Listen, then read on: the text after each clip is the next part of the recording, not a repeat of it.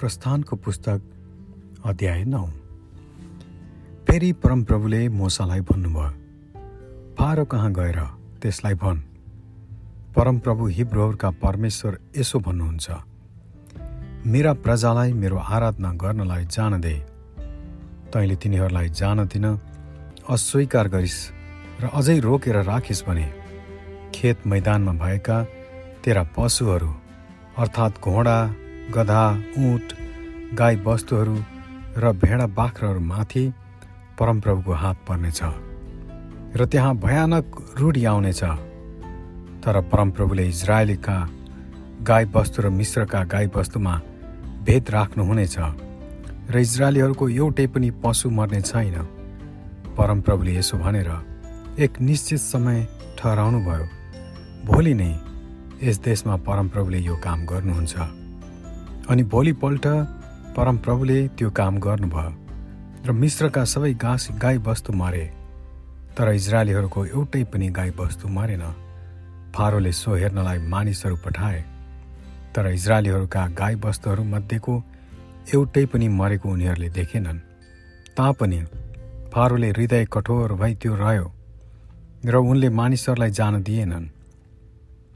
फेरि परमप्रभुले मोसा र हारुनलाई भन्नुभयो भट्टीबाट आ आफ्नो मुठीभर खरानी ल्याऊ र मोसाले फारोको आँखाकै सामु यो आकाशतिर छरिदियो त्यो सारा मिश्रका मसिनो धुलो भएर मिश्रका सबै मानिस र पशुका शरीरमा खटिरा बन्नेछन्।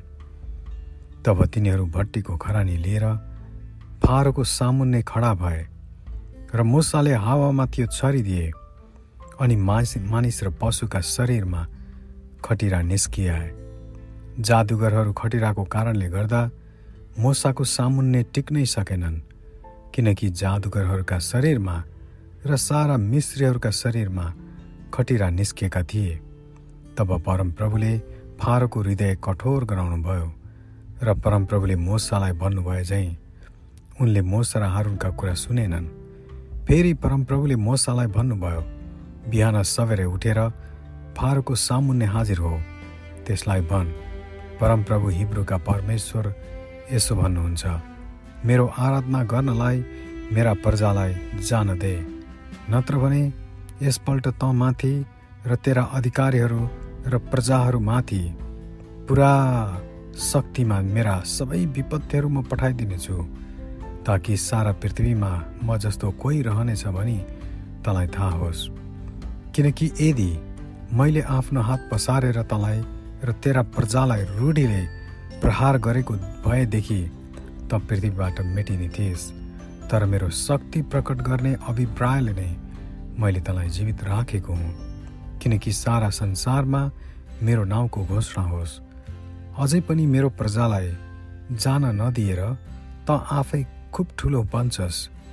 यसकारण भोलि यसै बेला म यस्तो घोर असिना वर्षाउने छु जो मिश्र स्थापित भएको दिनदेखि अहिलेसम्म वर्षिएको छैन। अब मानिसहरू पठाएर मैदानमा भएका गाई वस्तुहरू र जे जे छन् सबै चाँडै भित्र किनकि मैदानमा छोडिएका र घरमा नहुलेको हरेक मानिस र पशुमाथि असिना वर्षिनेछ र ती मर्नेछन्। फारोका अधिकारीहरूमध्ये जस जसले परमप्रभुका वचनको डर माने उनीहरूले आफ्ना नोकरहरू र गाई वस्तुहरूलाई घरभित्र हुले।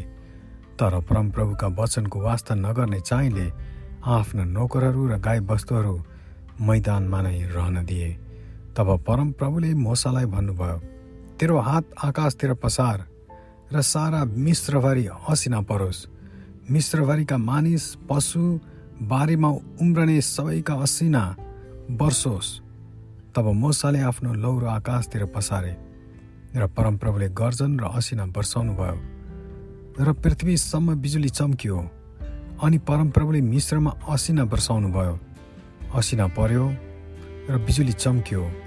यस्तो त मिश्र राष्ट्रको प्रारम्भदेखि भएको थिएन। असिनाले सारा मिश्रभरिका मैदानका मानिस र पशु दुवैलाई चुट्यो। असिनाले बारीमा उम्रेका सबैलाई चुट्यो र सबै रुखहरू नाङ्गा पार्यो। केवल इजरायलीहरू भएको गोसेन प्रदेशमा असिना परेन। तब फारोले मुसा र हारूलाई बोलाएर भने यसपल्ट मैले पाप गरेँ। परमप्रभु धर्मी हुनुहुन्छ। म र मेरा प्रजा गलत रहेछौँ।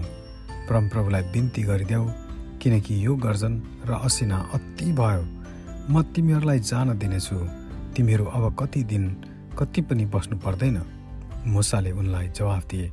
सहरबाट निस्कन बित्तिकै म परमप्रभुतिर आफ्नो हात पसार्नेछु र गर्जन थामिनेछ र असिना वर्षिने छैन। अनि तपाईँ जान्नुहोला कि पृथ्वी परमप्रभुकै हो। तर मलाई थाहा छ तपाईँ र तपाईँका अधिकारीहरूले भने परमप्रभु परमेश्वरको डर अझसम्म मान्नु भएको छैन। सनपाट र जौमा असिनाको प्रहार भएको थियो किनकि जौमा बाला लागिसकेको थियो र सनपाट चाहिँ फुलिसकेका थिए। तर गहुँ र कटिया गहुँमा चाहिँ प्रहार परेन किनकि ती चाहिँ पछि पाक्छन्। अनि मोसा फारोबाट सहरदेखि निस्केर गए र परमप्रभुतिर आफ्ना हात पसारे। तब गर्जन र असिना थामियो र जमिनमा पानी ओहिरिएन। तर जब फारोले पानी असिना र गर्जन थामिएका देखे तब उनले अझ व्रत पाप गरे र उनले र उनका अधिकारीहरूले आफ्ना हृदय कठोर गरे। यसरी फारोको हृदय कठोर भयो र परमप्रभुले मोसालाई भन्नुभयो बमोजिम उनले इजरायलीहरूलाई जान दिएनन्। आमेन।